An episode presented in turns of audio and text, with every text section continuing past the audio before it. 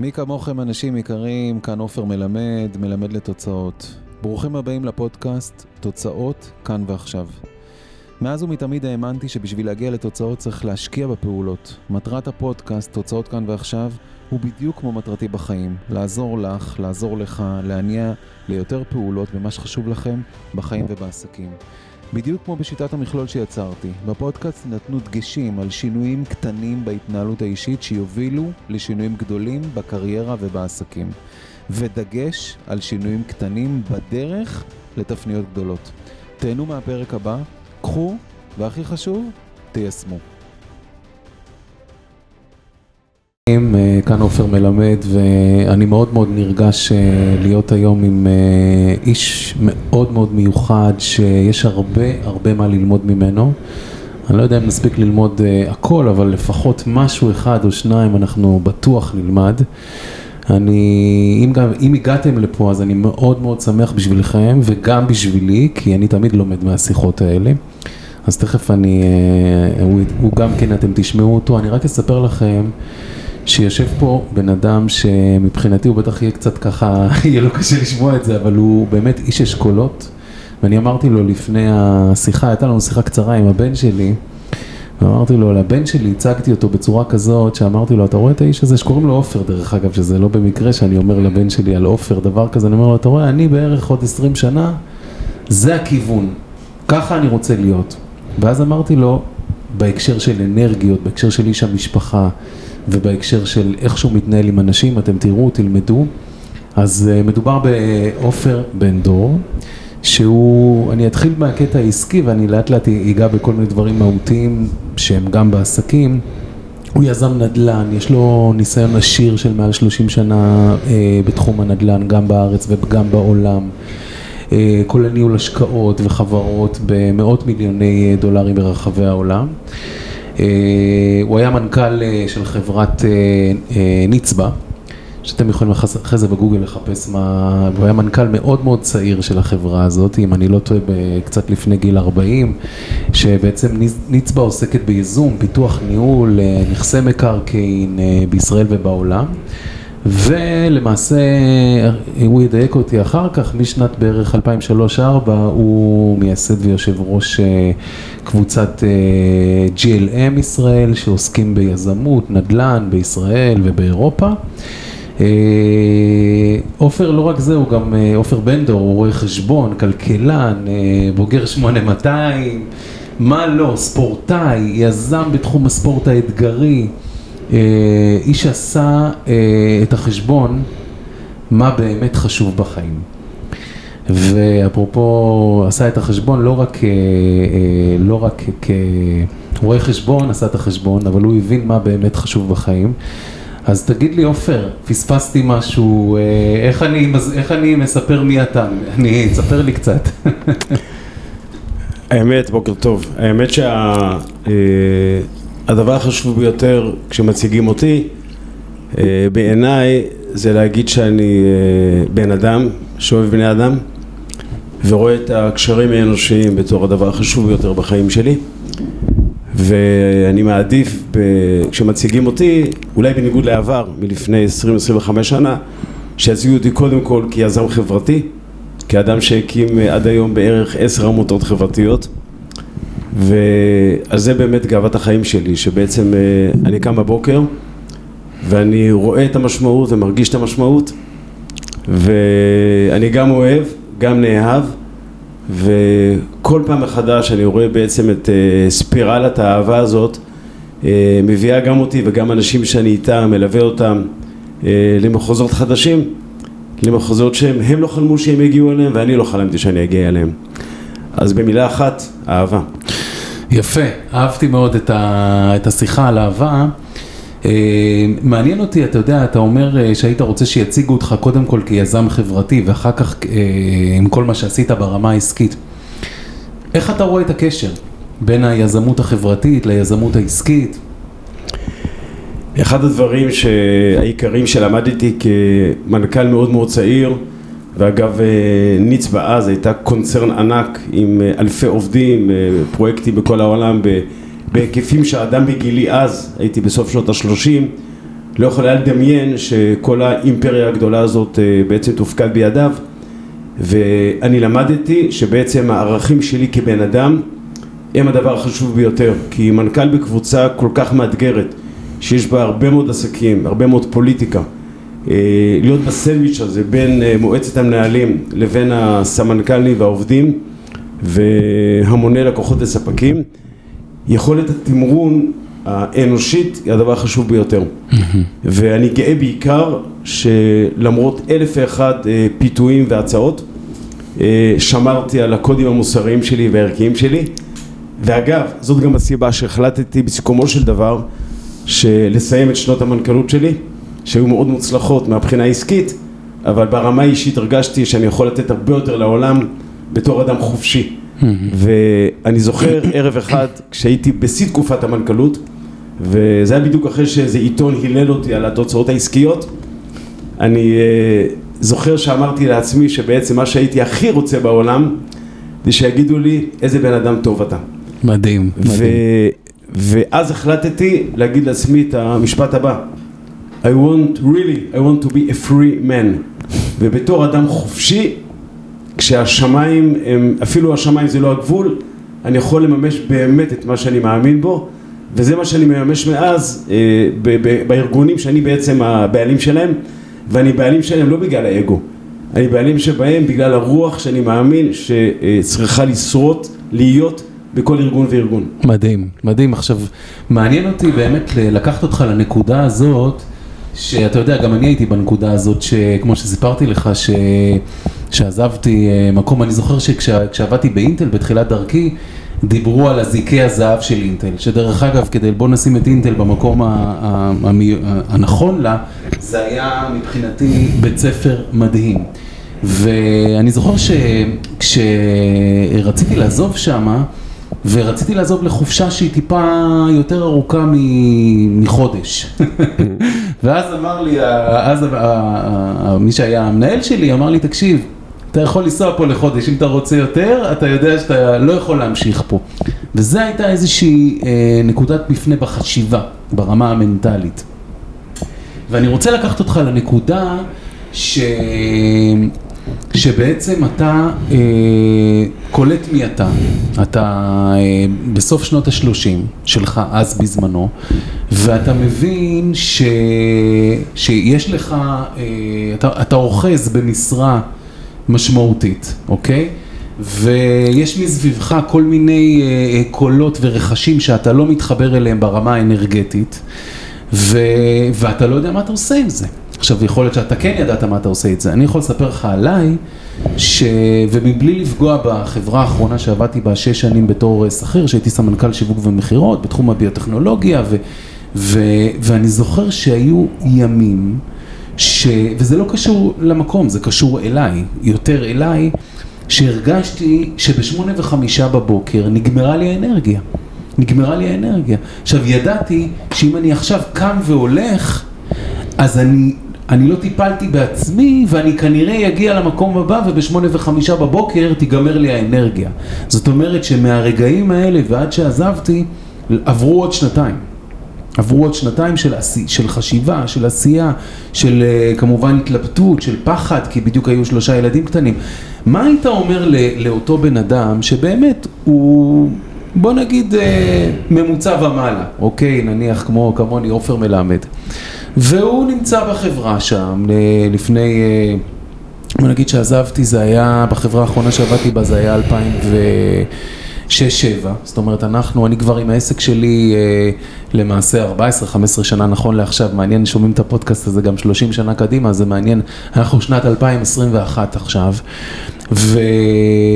ואני עם פחדים לעשות צעדים בכלל, בלי לדעת בכלל, אתה יודע, ואני גם באתי מבית שאנשים, אה, של אנשים שהם היו שכירים, אתה יודע, סיפרתי לך שאמא שלי עבדה באל על ואבא שלי בבנק לאומי ולא חייתי חיים של עצמאים, של יוזמות, יוזמה כמובן, אבל לא יוזמות של ללכת ואתה יודע, לטפס הר ו, ולעבור אותו ולעבור לפסגה הבאה וכו' וכו' ועם כל המשברים שיש בדרך וכו'. שאלה מה היית, מה, מה היית מנחה היום אנשים ששומעים כרגע, וזה יכול להיות גם בעלי עסקים, שרוצים לעשות שינוי, שינוי דרמטי. קיצוני בתוך העסק שלהם, שזה יכול להיות אולי לפתוח עוד עסק, לפתוח עוד חברה, לעבור לתחום אחר, זאת אומרת בן אדם יכול להיות, מישהי יכולה להיות עורכת דין ולהגיד לעצמה, אני לא רוצה להיות עורכת דין יותר, אני רוצה להיות, לא יודע מה, מנטורית לזוגיות, יכול להיות, יכול להיות מצב כזה ויש לה משרד והיא לא יודעת מה היא עושה ויש לה מלא התחייבויות ויכול להיות גם מישהו שהוא בעל עסק, לא בעל עסק, שכיר והוא מרגיש שעכשיו הזמן שלו לצאת, ויש כל מיני דברים שמעכבים אותו, גם אנשים קרובים אליו, שדואגים מהפעולה הזאת, אם מודאגים, זה מדאיג אותם. מה עושים עם זה? שזו שאלה גדולה, אני יודע, אבל בוא, בוא נפרק קצת את העניין. אני חושב שהנקודה החשובה ביותר היא בעצם, כשאנחנו מסתכלים בלובל של העיניים, אסור לשכוח דבר אחד, שהזמן של החיים שלנו זה המשאב החשוב ביותר, יותר מכל סכום כספי שנרוויח אולי אי פעם. וברגע שהאדם מבין ברמה העמוקה ביותר שהכסף מול הזמן זה בכלל לא כוחות, כי הזמן, כי הזמן גובר בהרבה על הכסף, אז הוא בעצם מבין שהחיים קצרים, ואם הוא לא יעשה את זה בזמן נתון שהוא יחסית קרוב, הוא יפסיד את המהות של החיים שלו. אני הבנתי בגיל 40 פלוס קצת, אז הייתי אה, מנכ"ל יחסית ותיק, שאם אני ממשיך לעשות את אותו דבר, אז חשבון הבנק שלי יתעשר בעוד 200 אלף שקל בחודש, זה פחות או יותר מה שהרווחתי. אבל הבנתי שמה שאני מפסיד זה בכלל לא שקול, אני מפסיד הרבה יותר. למה? כי אני מוותר על חלק גדול מהרצונות האמיתיים שלי, שאת חלקם לא יכולתי להגדיר אז. ומה שעשיתי, אני פשוט התחלתי להגדיר לעצמי רצונות אמיתיים. עכשיו, כשאני מגדיר רצונות אמיתיים, אני בצד ההגדרה האותנטית של הרצונות האמיתיים שלי. הרצון האמיתי שלי הכי גדול אז היה לעזור לאנשים, לטפל באנשים, לנסות אה, אה, לעזור לאנשים לקחת את החיים שלהם מנקודה A לנקודה B, אבל לא ידעתי לקרוא לזה בשם. ואז מה שעשיתי, בשיא ימיי כמנכ"ל, בנקודה, בצומת אולי העמוסה ביותר בחיים שלי, כשלא ידעתי באיזה, באיזו מדינה ובאיזה מלון אני מתעורר בכלל, מרוב עסקים בינלאומיים במיליארדים, אמרתי לעצמי, אני רוצה לעשות דבר טוב, אבל איך אני יכול להתנדב כשאני עסוק בכל העולם? ואז חיפשתי, ומצאתי את ההתנדבות הראשונה שלי, שהייתה בעצם אולי הקטליזטור לשינוי בחיים שלי. ושמעתי אז באופן מקרי, פשוט פתחתי את הלב ואת האוזניים, ושמעתי על אדם ערירי שגר ברעננה, שהוא גם עיוור, והוא גם ערירי, והוא גם עני, ואין לו עם מי לדבר. והתחלתי לספר לו סיפורים, היינו קובעים שעה אחת לשבוע, שהייתי מספר לו סיפור. הייתי מספר לו סיפור, אני מאוד אוהב לספר סיפורים, והייתי מספר לו, הייתי מקדיש לו שעה בשבוע. השעה הזו שהקדשתי לו הייתה אז השעה הכי מאושרת שלי במהלך השבוע. איך יכול להיות שהאדם שמנהל אלפי עובדים, שלכאורה העיתונים הכלכליים מהללים את הפעילות העסקית שלו, אומר לעצמו ששעת הסיפור לאותו אדם ערירי שממנו אין לי שום הכנסה, הכל התנדבות, השעה איתו גורמת לי אושר הרבה יותר גדול. זו הייתה, נקודה, זו הייתה נקודת המפנה בחיים שלי. כשעזבתי את החברה, והציעו לי, אני יכול להגיד את זה בצורה היום, יכול לגלות כבר, הציעו לי אז להיות דירקטור בשני בנקים, ולנהל את אחת מחברות הדלק הגדולות, ולנהל אחת מחברות העסקים הכי גדולות בארץ. אני בחרתי במשהו אחר. אני קניתי כרטיס וטסתי להודו, ללא דרגות, וכמה חודשים הייתי בהודו, וכל עולם העסקים שמכירים אותי אמרו לי איזה טיפש אתה, איזה מטומטם אתה, אתה מתנתק מעטיני הזהב. ואני יכול לספר היום בדיעבד שאני לא עשיתי את זה בתור אדם שלא ממפה את החיים שלו. אני תמיד אומר, אתה רוצה לשנות את החיים שלך? תעשה מיפוי, תעשה מאזן, תראה מה הנכסים הפיננסיים, מה ההתחייבויות, תתכנן את החיים, אל תתנתק מהקרקע, תראה מה יש לך ומה אין לך, ובצד המיפוי הזה תגדיר מה החלומות שלך, תגדיר מה הרצונות. עכשיו אם אתה לא יודע מה הרצונות, תפנה למישהו שיעזור לך להוציא אותה מהתת מודע שלך. תביע את הרצונות באופן אותנטי. הנסיעה הזאת להודו, מבחינתי, זה לא הודו, זה אני. שיח... אני טסתי להודו בלי דרגות. לכמה זמן? טסתי לכמה חודשים טובים, קרוב לחצי שנה. התנתקתי מכל עולם העסקים. הילדים היו בני כמה? אה, הבן הגדול כבר היה בצבא, הילדות, שתי הבנות הצעירות כבר היו בתיכון ולקראת אה, גיוס. ושמרתי איתם על קשר. תכף נדבר על המשפחה גם. שמרתי איתם על הקשר איתם ועם אה, אשתי, בת הזוג שלי, על הקשר הטוב ביותר. אפשר גם את זה לעשות, כי מה שחשוב זה זמן איכות ואם זמן האיכות הוא נכון וה, והאהבה היא דו-כיוונית והיא קיימת, אפשר לעשות את זה גם עם מרחקים כשיש אילוצים כאלה. Mm-hmm. ומה שגיליתי בחודשים האלה, קודם כל גיליתי שיש עולם אחר. גיליתי שיש אלף ואחת הזדמנויות ואנשים ואפשרויות לעשות דברים שונים ממה שהתרגלתי לעשות תמורת תהילה שהייתה לטעמי תהילה מאוד מצומצמת. אני פתאום גיליתי עולם רחב וגדול ואז גיליתי מה זה להיות באמת אדם חופשי באמת. מקסים, מקסים, מקסים. תקשיב, זה באמת, אני, אני שומע אותך ואני אני רואה בכל מיני נקודות, כל מיני דברים שאני חוויתי לאורך הדרך. אה, גם כן ביציאה שלי אה, החוצה, אני יכול לספר לך שכשאני יצאתי החוצה אני לא ידעתי שאני הולך להיות בעל עסק. זאת אומרת, יכול להיות שגם אתה הרגשת את זה כשיצאת מנצבא. לא ידעתי שאני הולך לפתח את העסק שלי. אתה ידעת? לא, לא ממש לא. יפה, לא זה מעניין. כלום. זה מעניין כי, כי תמיד, אה, אני לא יודע אם תמיד, אבל היה לי, מש, היה לי, היו לי שאיפות, רציתי. רציתי להיות, אתה יודע, הייתי, האמנתי שאני איש של ארגונים, האמנתי שאתה יודע, הרי אני, אחד, אחד הדברים הכי חזקים אצלי זה גובה העיניים, זה היכולת שלי להיות ב, ברמה כזאת שאני מסתדר ואני נמצא תמיד בגובה העיניים ולא משנה את מי אני פוגש ומה קורה. ולהעיז גם להיות בגובה העיניים כל מיני, אה, אני זוכר מפגש שהיה לי עם שרי אריסון ודווקא פגשתי אותה במסגרת, אה, אה, אני תלמיד של יוגה, רג'ה יוגה, שזה יוגה מנטלית, אני כבר מעל ל-20 שנה תלמיד של יוגה מנטלית, שזה בעצם יוגה thinking, not yoga doing. זה פחות התנועות, אני, אני גם מכיר את התנועות, אבל זה לא האטה יוגה. זה אה, רג'ה יוגה, שזה יוגה מנטלית. הדרך של המלך, רג' זה המלך. Mm. ולחשוב כמו הדר, בדרך של, ה, של המלך, של המלך שזה בעצם ה... אה, do Supreme Soul וכל השיחה הזאת. ו... ואני זוכר שראיתי אותה באיזשהו מפגש אה, של הרג'ה יוגה, ובמקרה שלא במקרה, כי אין מקריות, אני יושב שורה אה, אחת אה, אה, למעשה מאחוריה, והיא יושבת לפניי, ממש כיסא לפניי באודיטוריום גדול, ואני יודע שזאת היא. והיכולת להיות בלתי אמצעי ולהיות בגובה העיניים ו... ובלי שאתה יודע איך הבן אדם השני יגיב, שזאת שרי אריסון שבמקרה הגיבה ממש בגובה העיניים והספר שלה נמצא פה מאחוריי ואחר כך גם נפגשנו וכו' וכו'. השיחה הייתה באמת שהכנתי הקדשה עם הספר שלי ואז אמרתי לה ניגשתי אליה, פשוט כאילו אמרתי לה, תקשיבי, אני שמח לראות אותך פה במקום כזה, והיא ישר ישר התחברה והכל, אנשים, אנשים ישר מתחברים. נגענו קצת בגובה העיניים, אני רוצה כאילו, בהקשר הזה של אה, אה, לחזור חזרה ל... דיברת על מימד הזמן ואני זוכר שכשעזבתי את מקום העבודה שלי האחרון לא חשבתי, אני, אני מנסה להתחבר לראש של האנשים שרוצים לעשות שינוי קיצוני עכשיו. ואנחנו מדברים פה בכלל השיחה איתך, אני נתתי לה כותרת. אה, אה, על תקווה ועקביות, תקווה ועקביות אה, בדרך למה שאתה רוצה וגם נדל"ן, על תקווה ועקביות וגם נדל"ן, כי אתה גם כן מתחבר לעולמות של, אה, של נדל"ן ואני יודע שהיריעה קצרה, למרות שאנחנו הולכים לעשות פה שיחה, עושים פה שיחה משמעותית, אבל היריעה קצרה, אנחנו לא יכולים לספר הכל הכל. אני רוצה אבל כן לגעת בנקודה הזאת שבן אדם אה, רוצה לעשות את השינוי הקיצוני, הוא יודע שאין לו זמן, כי הוא בן 40 לצורך העניין, או אני הייתי אז בן 34 כשעשיתי את השינוי. אה, והוא עשה לעצמו מיפוי, ואין לו 200 אלף שקל בחודש, לצורך העניין משכורת. אה, אין לו מצנח זהב, גם לי לא היה מצנח זהב, היה לי, אני יכול לגלות, היה לי איזה 100 אלף שקל שקיבלתי, שזה גם לא מעט, אבל זה לא היה, בדיעבד זה מעט, זה כלום במרכאות, וזה לא כלום, אבל זה, כל שקל הוא שקל, אבל אה, אנשים מבינים על מה אני מדבר לאורך זמן, והיה לי דמי אבטלה לתקופה מסוימת, ואמרתי לאשתי, תקשיבי, שנה אני יכול לא לעבוד.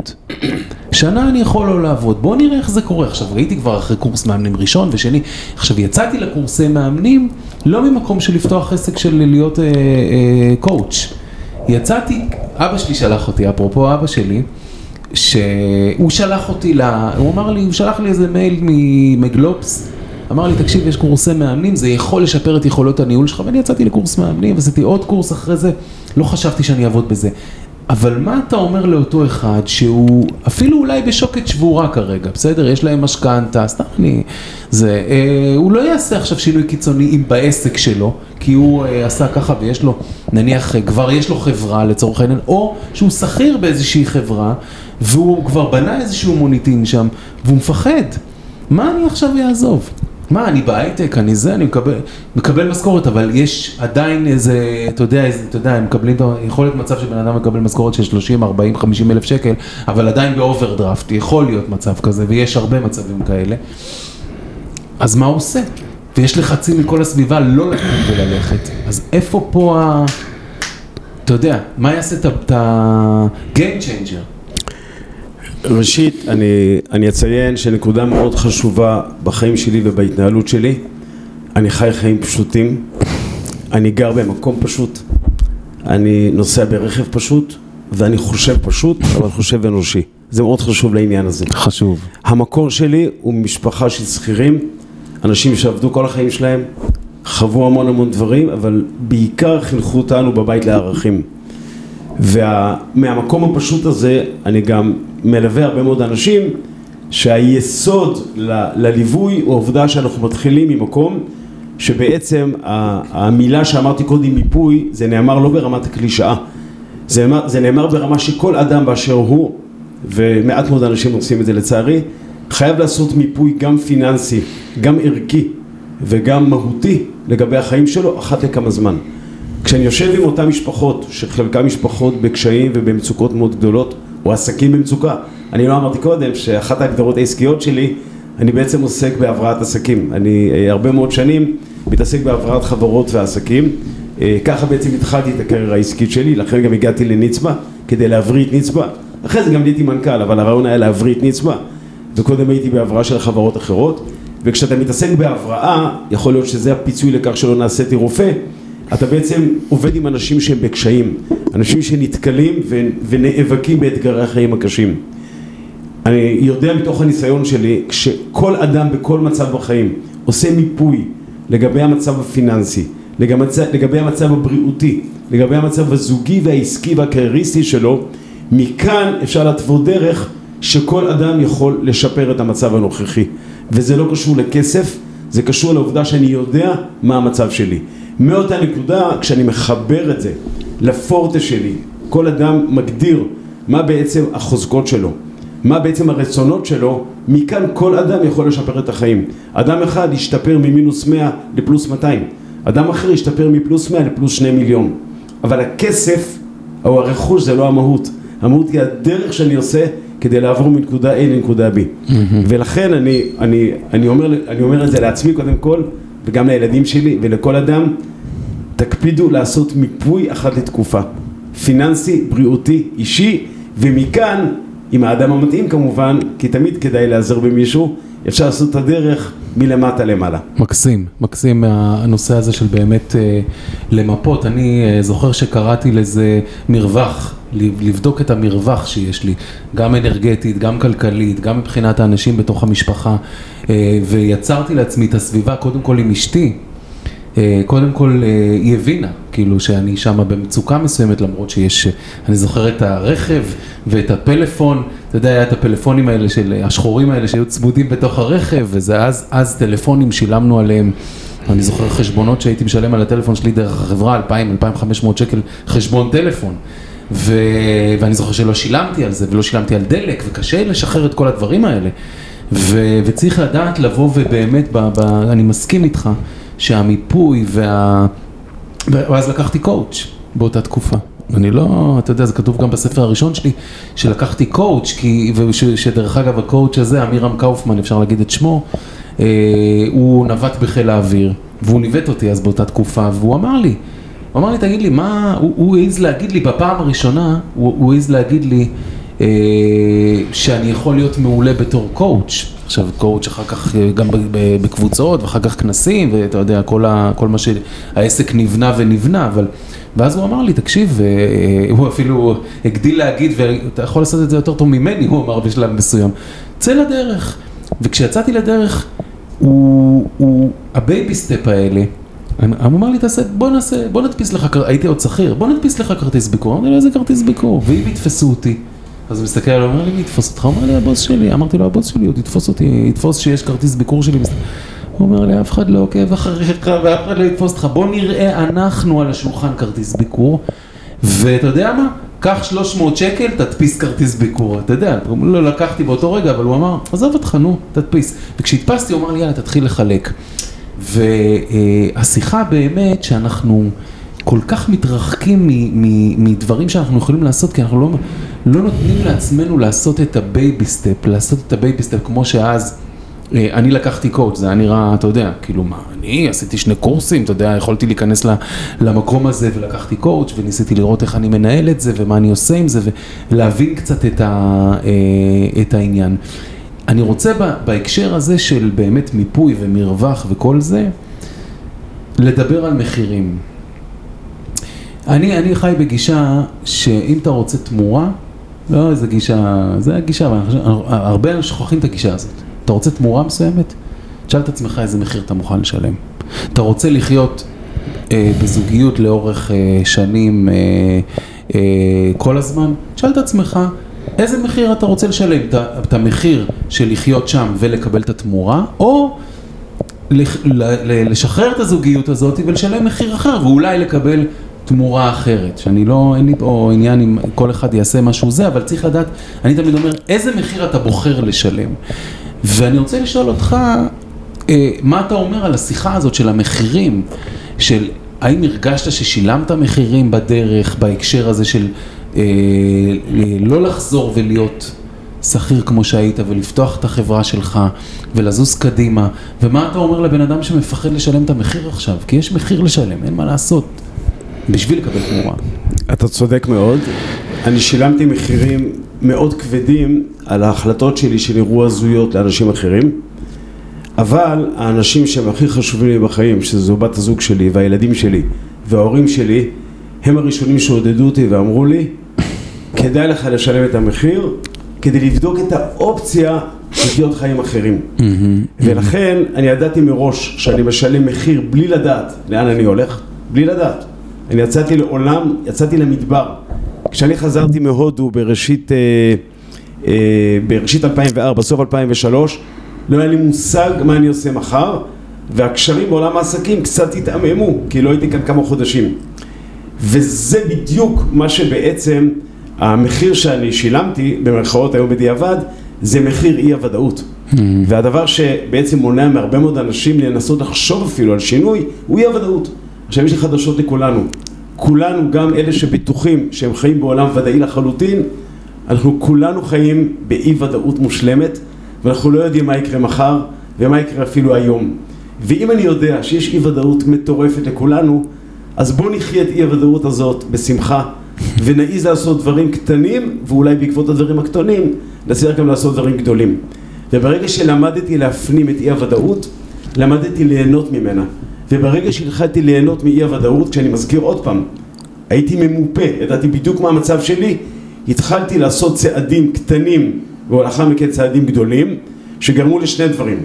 דבר ראשון, פתחתי את הלב ואת הנשמה להמון דברים שקודם הם בכלל היו out of scope מבחינתי, בכלל לא חשבתי עליהם, ככה התחברתי למשל לאנשים עם מוגבלויות, פשוט התחלתי להיות ער ורגיש להמון המון דברים שמסתובבים סביבי בעולם, ופתאום התחברתי אליהם, והדברים האלה שינו לי את החיים בצורה מוחלטת, ובצד זה באופן מקביל ראיתי בעצם שבעצם הפניות שלי והפתיחות שלי להמון המון הזדמנויות חדשות פשוט פתחו בפניי אינסוף אפשרויות עסקיות שאת חלקם מימשתי כמובן ובצד הפעילויות החברתיות שבו בעקבות פתיחת הלב הפכתי להיות קודם כל אדם יותר אוהב, יותר שמח כי בסופו של דבר ובתחילתו של דבר בתוך אי הוודאות הגדולה של החיים אני, פילוסופיית החיים שלי, תהיה אוהב, תהיה רגיש, תהיה אכפתי, אבל בעיקר, בעיקר, בעיקר, תהיה שמח.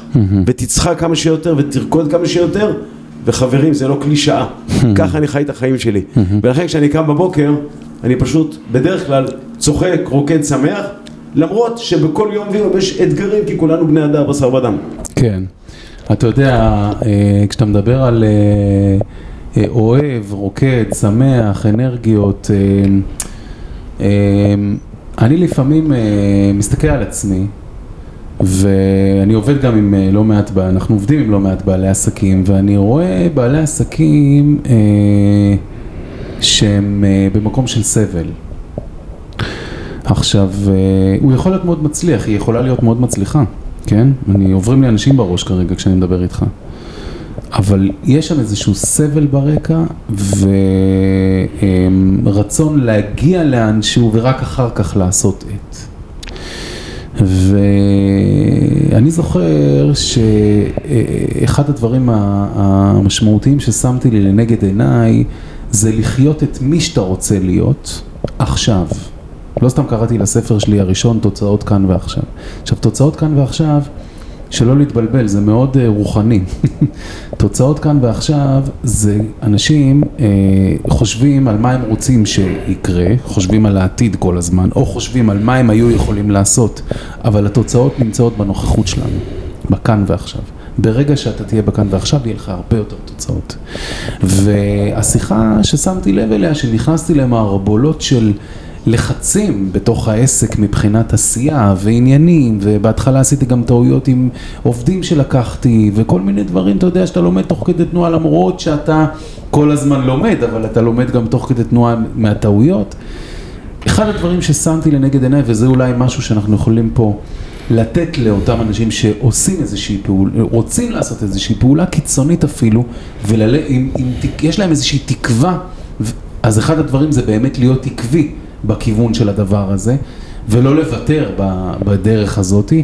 והדבר הנוסף זה לחיות עכשיו את מה שאתם רוצים שיקרה אחר כך. עכשיו, מה זה לחיות עכשיו את מה שאתה רוצה שיחיה אחר כך? זה, אתן לך דוגמה פשוטה, אני חלמתי שבחלום שלי שכשאני בעל עסק, אז אני יכול להרשות לעצמי ללכת לשחות שלוש פעמים בשבוע בבוקר ולהתחיל את היום אפילו אה, בפגישות, הפגישה הראשונה בימים מסוימים אה, ב-11 בבוקר, אוקיי? אמרתי לעצמי ואני עושה מדיטציה בבריכה ואתה יודע, מין, אחרי שאני אהיה חופשי כלכלית ואני אעשה זה, אז אני אוכל, והתחלתי from day one לעשות את הפעולות האלה. עכשיו עשיתי גם את הפעולות האלה בשביל להירגע, גם, גם בשביל להירגע כי אתה יודע, אתה...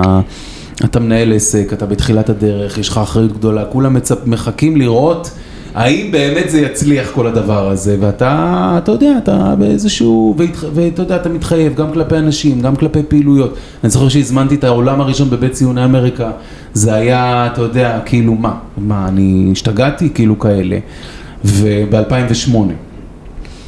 ולחיות את מי שאנחנו רוצים להיות. ובאמת, אני חושב שאחד הדברים שבן אדם יכול לקחת זה קודם כל מה שאמרת עד עכשיו, בן אדם שרוצה לעשות פעולה קיצונית, זה קודם כל לעשות את המיפוי הזה. להסכים לשלם את המחיר ו... ולהיות בתוך הדבר, להיות בלחיות באמת כמה שחשוב בחיים. עכשיו, תגיד לי קצת, מה אתה אומר לאותו בעל עסק, או לאותו איש קריירה שעובד המון שעות, או אשת קריירה שעובדת המון שעות, והיא מרגישה שהיא מפספסת את הילדים שלה. היום קיבלתי שאלה כזאת.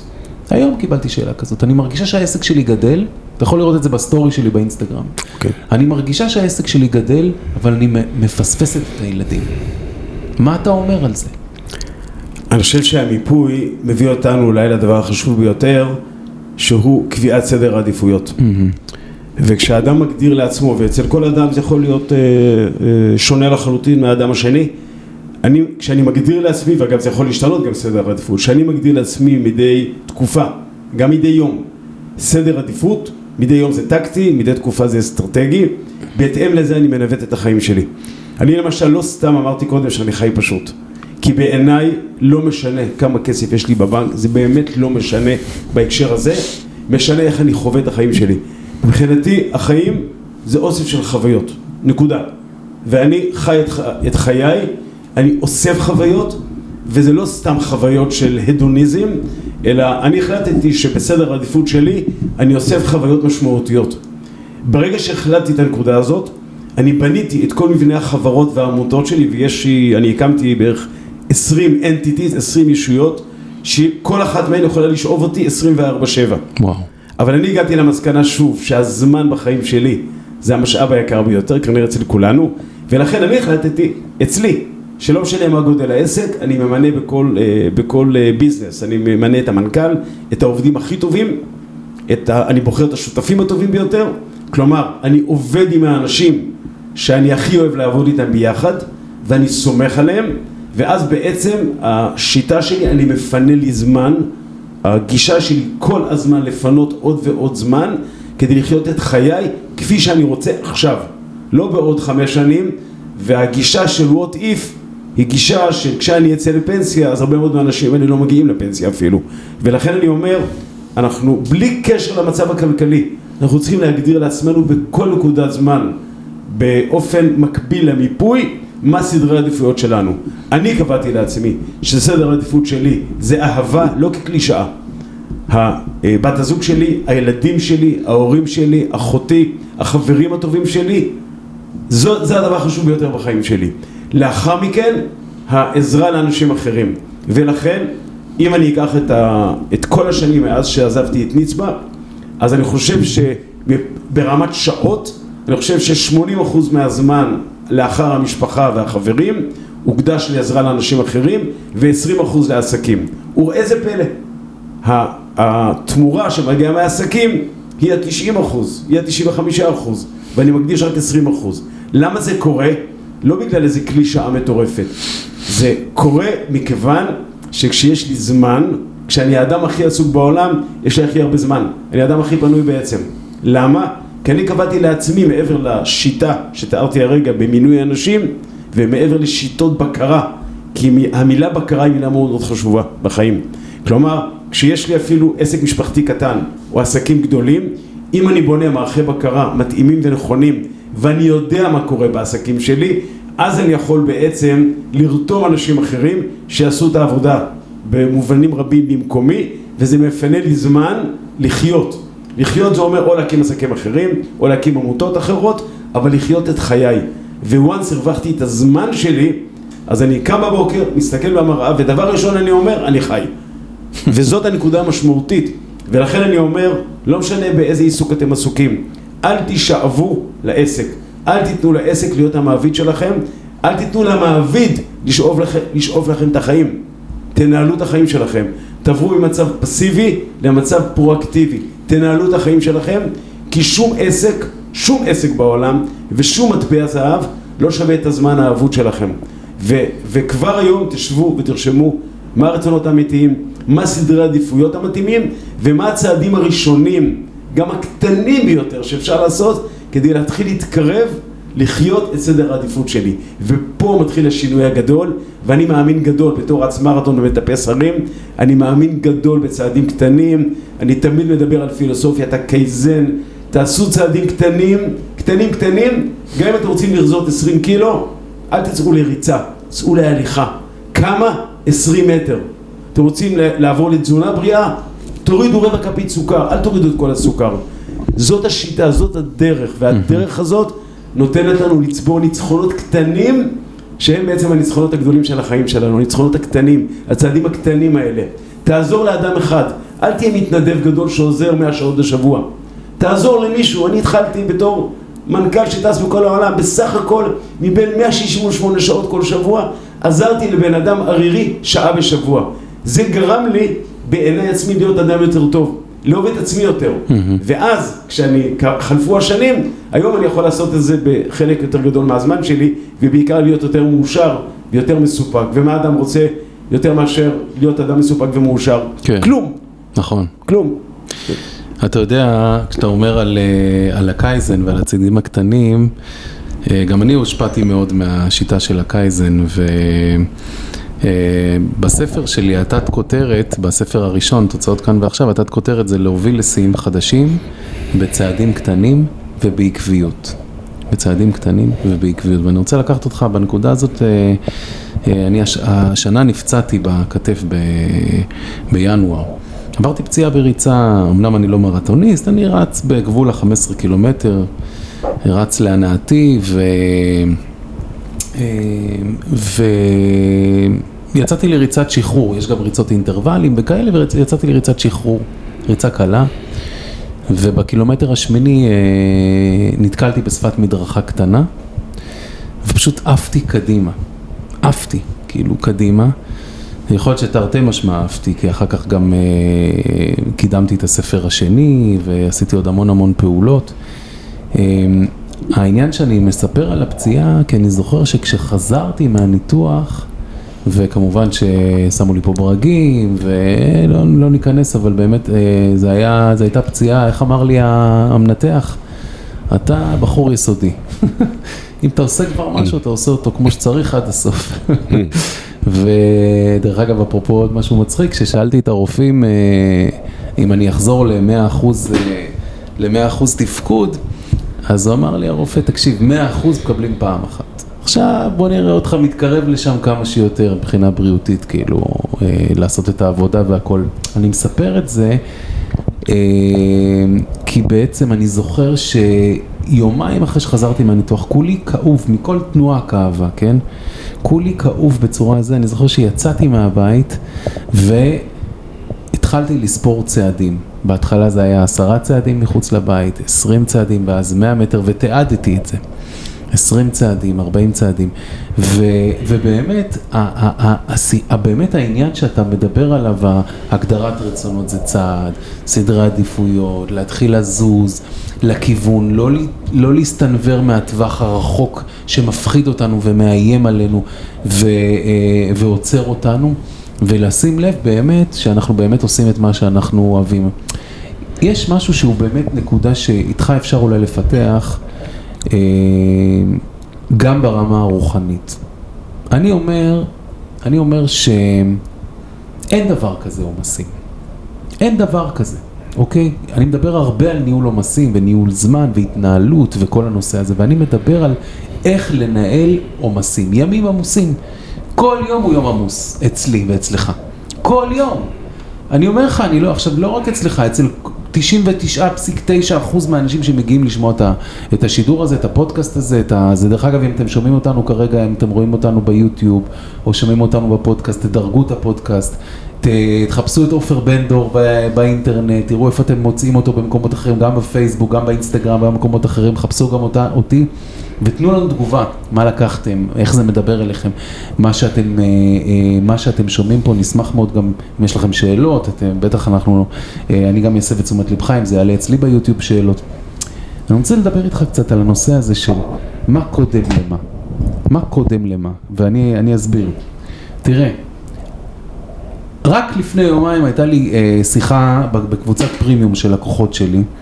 ואני אומר להם, חבר'ה, דיברנו על uh, ניהול עומסים, אני אומר להם, חבר'ה, ברמה, בפעם הכמה וכמה, אני אגיד לכם, באותה, באותו יום, לפני שלושה ימים, אבא שלי בבית חולים, אני מתעסק בזה, אני נסעתי, חזרתי, לא ביטלתי, לא ביטלתי את המפגש הזה, ועומס מטורף, והספר החדש, ו-you name it.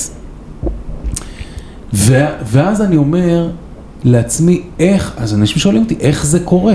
אז אני אומר, חבר'ה, זה הסיפור הוא הביצה והתרנגולת. אני החלטתי שאין עומס. אני מסתכל ואני אומר, ואני, ואני רוצה שאחרי זה אתה תתייחס לזה. עכשיו, זה לא, זה לא מיסטי, וזה לא להתעלם מכל מיני לקוחות ששואלים אותי שאלות. זה לנהל את זה. וזה לנהל את זה אנרגטית. אני, אני אומר לך, יש ימים שאני מקבל הודעות כאלה ואחרות, ואחותי מתקשרת, השבוע שעבר, ואחותי מתקשרת אליי, ואני בדיוק בדרך לרוץ כי אני אומר לעצמי, אני יכול, אני יכול לרוץ, כאילו בבוקר הזה, כן?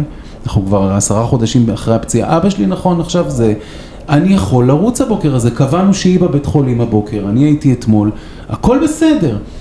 ואז אני מסתכל ואחותי מתקשרת ואני אומר, עופר, אם אתה עונה עכשיו לשיחה הזו, אחותי, לא הלקוח הזה, שזה גם חשוב, הכל חשוב.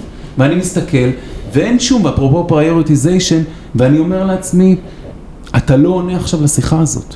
כי היא יושבת עכשיו בשבע בבוקר בבית חולים, וכנראה היא צריכה שמישהו ידבר איתה, ואם אתה תדבר איתה עכשיו, אתה לא תוכל לנתק את השיחה מהר, ואני מצטער אם היא שומעת את זה, אתה לא תוכל לנתק את השיחה מהר, כי אתה רוצה לרוץ וזה ייצר איזה משהו, ואתה אומר, עופר, אתה יוצא לרוץ עכשיו. 45 דקות. לא עכשיו יצאתי למרתון של 5 שעות, 45 דקות, אתה חייב את הריצה הזאת, בשביל שיהיה לך כוחות. ולא עניתי. רוב האנשים היו עונים. ועוד יותר אותגרתי, שאחרי שע, אחרי, אה, שעתיים אני אומר, אחרי שתי, שתי דקות, אחותי שוב מחייגת. עכשיו, אם היא מחייגת אליי עוד פעם, התחיל לרוץ לי בראש, קרה משהו דחוף. עכשיו, ראיתי את אבא שלי ערב לפני, מה כבר יכול לקרות? אתה יודע, השיחה הזאת. אני אומר, עופר, אל תענה. אתה לא תענה עכשיו ותגיד לה, אני לא יכול לדבר איתך עכשיו שבע ורבע בבוקר, אני הולך לרוץ עכשיו. מה הולך לרוץ? אבל אתה יודע, אני יודע שאתה כבר מת להגיב. והשיחה הזאת היא רלוונטית לאנשים שהם עמוסים עכשיו, שהם, אין להם זמן. אתה יודע, אני אה, אה, התנדבתי בשנים אה, בסיירת הורים פה בגדרה. אה, אה, בניצוצות, לא יודע אם אתה מכיר את פרויקט ניצוצות, משכתי לפרויקט ניצוצות המון אנשים, ברור. הרבה אנשים, לא המון אבל הרבה, בוא נגיד אני יכול יותר מכף יד אחת אנשים שאני הבאתי לפרויקט ניצוצות ואיך אתה מספיק, אני, שואלים אותי לעשות ארבעה ימי שישי פרויקט ניצוצות, אז אני אומר, זה עניין של החלטה. זה עניין של החלטה לא לענות לאחותי עכשיו, באותו רגע, ואתה יודע מה? אמרתי לעצמי, עשיתי את הסצנריו, תוך כדי כבר שהתחלתי לרוץ, אם קרה חלילה משהו דחוף, היא בטוח תתקשר לה, לאשתי. היא תתקשר לאשתי זה סוף העולם, במרכאות. ואשתי מיד תתקשר אליי, ואז אני אענה. אוקיי? כי אשתי לא מתקשרת אליי סתם ככה כשהיא יודעת שאני הולך לרוץ עכשיו. אז תדבר איתי קצת, ועבור האנשים שפה, שלא, ש, ש, ש, ש, שכל פעם שאני אומר, לא קורה כלום בחוץ. קורה מה אתה חושב שקורה. קורה הפרשנות שלך שקורית, וזה יכול להיות הקרייסס הכי גדול בעולם, שאחותי מתקשרת אליי פעמיים, כשאבא שלי בבית חולים בבוקר. קרה משהו, אז אני חייב לענות ואז להתפנות לשיחה הזאת, ואז אני גם חוזר הביתה אחרי שלא רצתי. כי אין לי זמן לרוץ, מה שלא קרה. אז אה, כן, אז קודם כל יש לי, יש לי המון זמן פנוי. אני אדם מאוד עסוק עם אה, המון המון זמן פנוי. איך? תספר לי איך אוקיי. זה. קודם כל למדתי בסדרי עדיפויות לוותר על דברים שבעיניי הם שודדי זמן. ופה אני חושב שכל אדם ואדם צריך ללמוד לנהל את, ה, את הזמן שלו במובן של להגדיר סדרי עדיפויות כאלה. למשל, הרבה מאוד אנשים עוסקים רוב זמנם, אני גם רואה הרבה עסקים, בעלי עסקים גדולים וקטנים, בכיבוי שריפות. וכשהם עסוקים בכיבוי שריפות ונשאבים, וזה הדבר הקל ביותר, אז הם בעצם מוותרים על הדברים החשובים ביותר, הם מוותרים על הניהול האסטרטגי. ואז אחרי תקופה הם רואים שבעצם הם והעסק שלהם תקועים במקום. עכשיו מה עושים? עושים בקביעת סדר היום, כשאני מתחיל יום חדש, אני קובע לעצמי מטרה או שתיים מרכזיות, והם בראש סדר העדיפות שלי. זה דבר אחד. כשהם בראש סדר העדיפות, שאני עוסק ב, ב, בפעולות למימוש המטרה המרכזית של אותו יום, הטלפון שלי במרבית המקרים על מצב טיסה, כמו עכשיו אגב. אני בטוח שבעת השיחה שלנו עכשיו קיבלתי כנראה אולי 200-300 הודעות ואני לא אגזים. בסדר גודל, אני לא מוטרד מזה. בשיח הפנימי בין האוזניים שלי זה בכלל לא מטריד אותי, זה בכלל לא עובר לי בשום מקום. אני אתייחס לזה.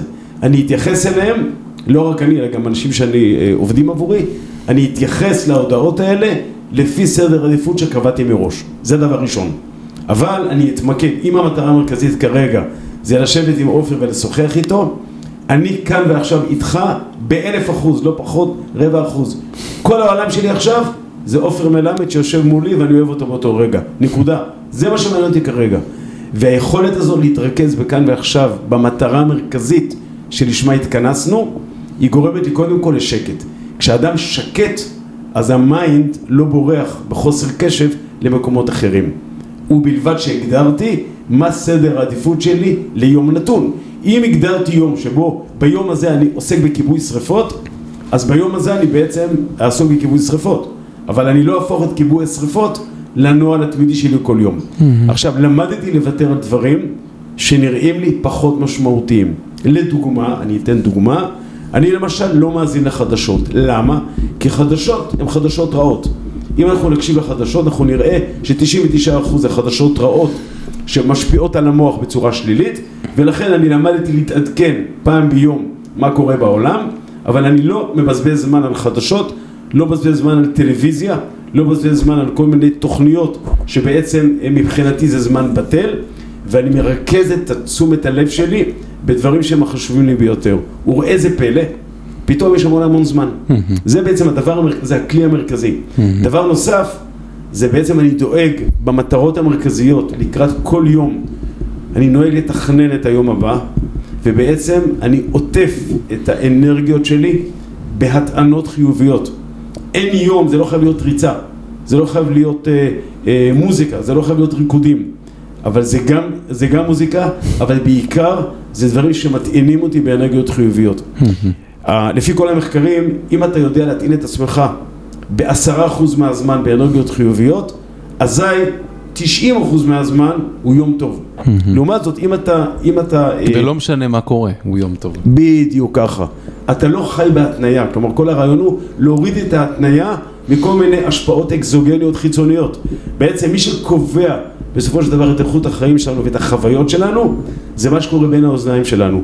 לכן למדתי, בימים הכי עמוסים שלי בחיים שלי, שבעצם אני דואג שהשיח בין האוזניים, כלומר השיח ביני לבין עצמי, יהיה שיח פוזיטיבי, שיח לאותם מקומות שאני בחרתי ללכת אליהם. ואני מקדש את נושא הבחירות העצמיות, מכיוון שאני יודע שכל אחד מאיתנו בוחר ביום נתון אלפי בחירות, אני דואג לבחור את הבחירות שטובות לחיים שלי. ואז החיים שלי הם פשוט יותר טובים. למרות שבאופן אובייקטיבי, בחוץ קורים כל מיני אירועים שחלקם נגטיביים כמובן. כן, כן. יפה, יפה. הנושא הזה של לוותר. שמעתי פעם שהמלך חוסיין, שנפטר, אמר, אה, כשאתה מוותר, אתה מקבל יותר. אני חושב שהוא אמר את זה אז בהקשר אה, של ראיון שהיה איתו אז אה, בהסכמי השלום עם ירדן, עם יצחק רבין, לוותר. והוא דיבר על כשאתה מוותר, אתה מקבל יותר.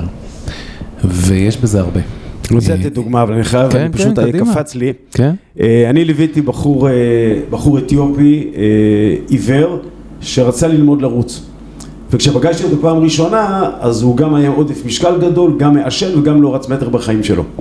והייתי מלווה אותו מטר מטר, כולל המון המון רגעי ייאוש ודמעות. בהתנדבות כמובן. ברור. כן, כן. וכל הפעילויות נעשו אה, במקום מסוים שלאחריו הייתי מוביל אותו לתחנת הרכבת, מעלה אותו על רכבת שהיה נוסע הביתה לרחובות. ויום אחד אה, אני יוצא איתו מהרכב ולוקח אותו בתחנת הרכבת ומולי מגיע צ'רמן, יושב ראש של אחת מהחברות הכי גדולות בארץ, שרק חודשיים קודם הציע לי להיות המנכ"ל שם. והוא הסתכל עליי ואני עליו, הוא ראה אותי הולך יד ביד, כי נותנים יד לאדם העיוור, ומיד לאחר מכן קיבלתי שיחת טלפון ממנו, והוא אמר לי, עופר, חתיכת מטומטם, אני מציע לך משרה ב-200 אלף שקל בחודש, ואתה בוחר לבזבז את הזמן שלך בללכת יד ביד עם איזה אדם עיוור, ככה הוא אמר. הוא אמר עוד כמה מילים מבישות שאני לא אגיד אותם כאן, אבל זה בדיוק הנקודה. הנקודה זה לא לומר לא ל-200 אלף שקל, אפשר לומר כן ל-200 אלף שקל. הנקודה היא אחרת. הנקודה היא מה סדר העדיפות שלך. מה הבחירה? סדר העדיפות שלי והבחירה שלי הייתה ללוות את בזה שבעה ימים בשבוע, כל בוקר. בסיכומו של דבר, במדדי האושר והבריאות הנפשית שלי, אם אני מסתכל ברטרוספקטיבה שנים אחורה, אני יודע שבחרתי נכון, וזאת הנקודה. לא כל מה שנראה לאדם אחר כבחירה לא נכונה, הוא עבורך גם בחירה לא נכונה. ולכן תבחר לפי מה שטוב לך, אחרי שקיבלת גם פידבק מהסביבה. כן. וזה מה שהביא אותי לשיאים שלא חלמתי, כשהייתי מנכ"ל מוערך, לא חלמתי בכלל לגרד את השיאים האלה. אלה נקודות האושר הגדולות בחיים שלי, וכנ"ל אני יכול לספר פה במשך שבע שעות על כל המשלחות של אנשים עם מוגבלויות שהוצאתי לפסגות הערים. מה אני רוצה לומר על זה במשפט קצר? תדעו לכם, כשאני מאמן את האנשים עם שיתוק מוחין או עם עיוורון, ואני מאמן הרבה אנשים כאלה, בדרך למרתון לטיפוס הרים, תדעו לכם, רוב הדרך רוויה בדמעות ייאוש. רוב הדרך רוויה ברגעי חברות אמיצים שבהם שנינו מתייאשים. אבל כשמגיעים למטרה, אחרי כל רגעי הדמעות והייאוש האלה, הבכי של האושר שווה את הכל. וזאת המשמעות הגדולה של החיים שלי.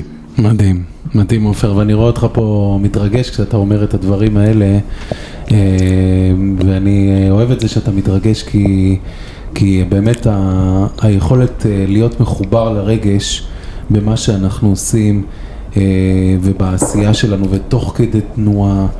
ולמרות שאנחנו רצים לכל הכיוונים ואנשים, אתה יודע, רצים וזה, הסיפור הוא באמת אה, לשים את ה... את ה... אולי ארבע הרגליים של השולחן המשמעותיות כל הזמן מול העיניים שלנו כדי שה... אה, כדי שה... אה, לזוז קדימה ולהתנהל.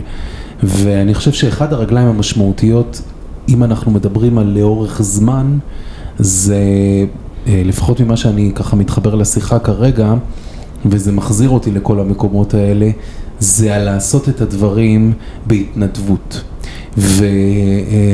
וכשאני אומר לעשות את הדברים בהתנדבות, אני, אני יכול להיות מאוד business mind, ואתה גם יכול להיות מאוד business mind בתור בן אדם שמיזמים של נדל"ן אה, מפה ועד לשם, אה, זה רק עכשיו פתחת עוד חברת נדל"ן אה, ביוון, ראיתי בפייסבוק, ואתה יכול לדבר מפה ועד לשם על בניינים שאתה יזמת ועשית ואתה אתה, אתה תגיד את הדברים בצורה הנדל"נית. אה, ואתה נמצא בעולם הזה של היזמות של הנדל"ן, שזה עולם שיכול להיות מאוד מאוד קשוח ומאוד, אה, ומאוד חומרי ומאוד, אה, והסיפור הוא באמת איך אתה בא לזה, שאולי גם נשמע, אבל הרגל המשמעותית שאני כרגע שמתי לב, לב אליה, זה... זה לעשות את ההתנדבות גם, ב, גם ברגעים הקטנים, אתה יודע, ההתנדבות ברגעים הקטנים. היום הייתי בבית החולים עם אבא שלי שמרגיש יותר טוב, תודה רבה. תודה, תודה ליקום, תודה לאל. אה, אה, ונתקלתי ברופאה בכירה, אני מדבר על הרגעים האלה של ההתנדבות של הקטנים שעושים את ההבדל. הנה העובדה, אני זוכר כאחד מהרגעים הכי טובים של היום שלי עכשיו. ו...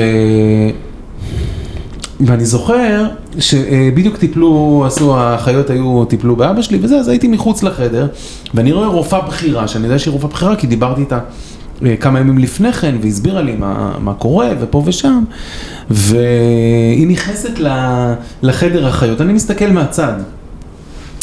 היא נכנסת לחדר החיות, ויש שם אה, משקל, כאילו, אתה יודע, משקל, אז היא נעמדת על המשקל והיא אומרת, אוי, נראה לי שלא עליתי במשקל בסוף שבוע הזה, וכל האחיות מסביב צוחקות. ואז הן מדברות שם וזה, היא אומרת להם עוד איזה משהו שקשור לעבודה, ואומרת להם כל מיני דברים שקשורים לסדר היום, כי היה באמת שמונה בבוקר, ואז כשהיא יוצאת, אז אני, אתה יודע, אני פונה אליה, אני אומר לה, אני אומר לה, דוקטור, תדעי לך, שמה שעשית עכשיו, זה הדבר הכי חשוב שעשית ביום הזה לצוות שלך, נתת להם מוטיבציה, אז היא צחקה, היא אומרת לי, אתה מבין קצת משהו. אמרתי לה, כן, זה בדיוק הנקודה, לבוא ולתת להם עכשיו, הם גם יטפלו באבא שלי מדהים. אז היא צחקה, היא אמרה לי, יכול להיות, והלכה כזה, הייתה כזה נבוכה. והיא קלטה אותי. וזה מעשה התנדבות שלי בבוקר הזה, ולמה אני אומר את זה? למה אני מציין את זה? אני רוצה שתדבר איתי קצת על התנדבות, כי יש אנשים שאומרים, כשאני אגיע לזה, אז אני אתנדב. כשלא יהיה, כשיהיה לי זמן, אז אני אעשה. עכשיו, התנדבות זה יכולה להיות, זה גישה גם, אתה מבין? ו... אה, ודבר איתי קצת על, על איך זה מתחבר ל... להצלחה. להצלחה בעסקים, איך זה מתחבר לדעת ולעשות את השיחת מכירה הבאה בצורה יותר נכונה ויותר צלולה, איך זה מתחבר ללבוא ולדבר מול כמה אנשים בעסקה חשובה ולהוביל את העסקה הזאת, כי אתה התנדבת יום לפני והיית עם אותו אתיופי עיוור, לא יודע אם אתיופי, סליחה אמרתי, עם אותו... הוא בחור אתיופי. בית, או, יפה, אז אני זוכר שראיתי תמונות, אז בגלל זה אמרתי אתיופי. עם אותו בחור אתיופי עיוור ו- והובלת אותו, והגעת גם ל... ל אני חושב שאיתו הגעת גם ל, ל, למרתון של אה, האולימפיאדה של הנכים. נכון. אוקיי, איך זה קשור? הקשר הוא חד-חד ערכי. והאמת שהמשפטים החשובים שלך לוקחים אותי לרונה רמון. את רונה רמון ז"ל אני ליוויתי במשך הרבה מאוד שנים אחרי שאילן אה, נהרג ובימים שאסף אה, הבן שלה נהרג ואני זוכר שהליווי של רונה לימד אותי המון ואני לומד מכל אדם שאני מלווה אותו או מייעץ לו או אה, לומד אצלו למדתי איך מהרגעים הכי חשוכים בעולם אפשר בעצם אה, ליצור דברים חדשים באנרגיה טובה. אה, אגב, היית, הייתה לי הזכות להקים עם רונה את קרן רמון, שעושה היום בארץ דברים נפלאים, ורונה, למה אני מציין את רונה? א', אני מתגעגע אליה, וב', היא הכירה לי את דבי. עכשיו, דבי זו בחורה מרעננה שאף אחד לא הכיר אותה, שהיא חלתה ב-ALS, מחלת ניוון שרירים חשוכת מרפא. ובעצם הפגישה עם דבי לפני מספר שנים, אחרי שרונה הכירה בינינו, הייתה עם בחורה שבעצם כולה משותקת, יכולה רק לחייך ולתקשר עם מחשב עם האישונים בעצם תשאל את עצמך מה איש עסקים, מה לעשות אני גם איש עסקים שיש לו אה, המון עובדים והמון עסקים בכל העולם. למה הוא הולך ביום ראשון בבוקר, בעשר בבוקר, לפגוש את דבי ואת בעלה עמיחי? והתשובה היא, כי אני הבנתי שזה הדבר הנכון בזמן הזה, ובסדר העדיפות שלי, אני לא ידעתי מה, אבל הלב שלי אמר לי, הלב אמר לי, זה נכון לעשות את זה. מה שקרה מהר מאוד, שממקום שבו אני באתי לעודד את דבי, שבעצם זה מצב חסר תקווה לחלוטין, הקמנו שלושתנו ביחד עמותה שקוראים לה מסעי, שהיא עושה אחד, את אחד הדברים הכי חשובים במדינת ישראל היום, אנחנו, זה לא קשור לספורט, אנחנו עוסקים בשיקום נערות במצבי מצוקה וסיכון, אנחנו מלמדים אותם להכין תכשיטים. עכשיו תשאל אותי מה הקשר לעולם העסקים, אני אגיד לך מיד. הקשר הוא שהאושר שאני לא מסוגל אפילו לכמת אותו, האדיר, מהעובדה שהצלחנו ביחד ליצור יש מאין את העמותה הזאת עם בחורה שלכאורה לא הייתה לה תקווה, היכולת הזאת ביחד לראות תקווה עצומה בעיניים שלה, כי יש משמעות לחיים שלה, כשאני ישר מהפגישה איתה הולך לפגישת עסקים, אז אני יושב שם במועצת המנהלים עוד עשרים אנשים בכירים מכל המשק ושואלים אותי למה אתה כל כך מחייך? עכשיו מעבר לחיוכים ולשמחה זה לא רק זה שמחה לא מספיקה בעסקים.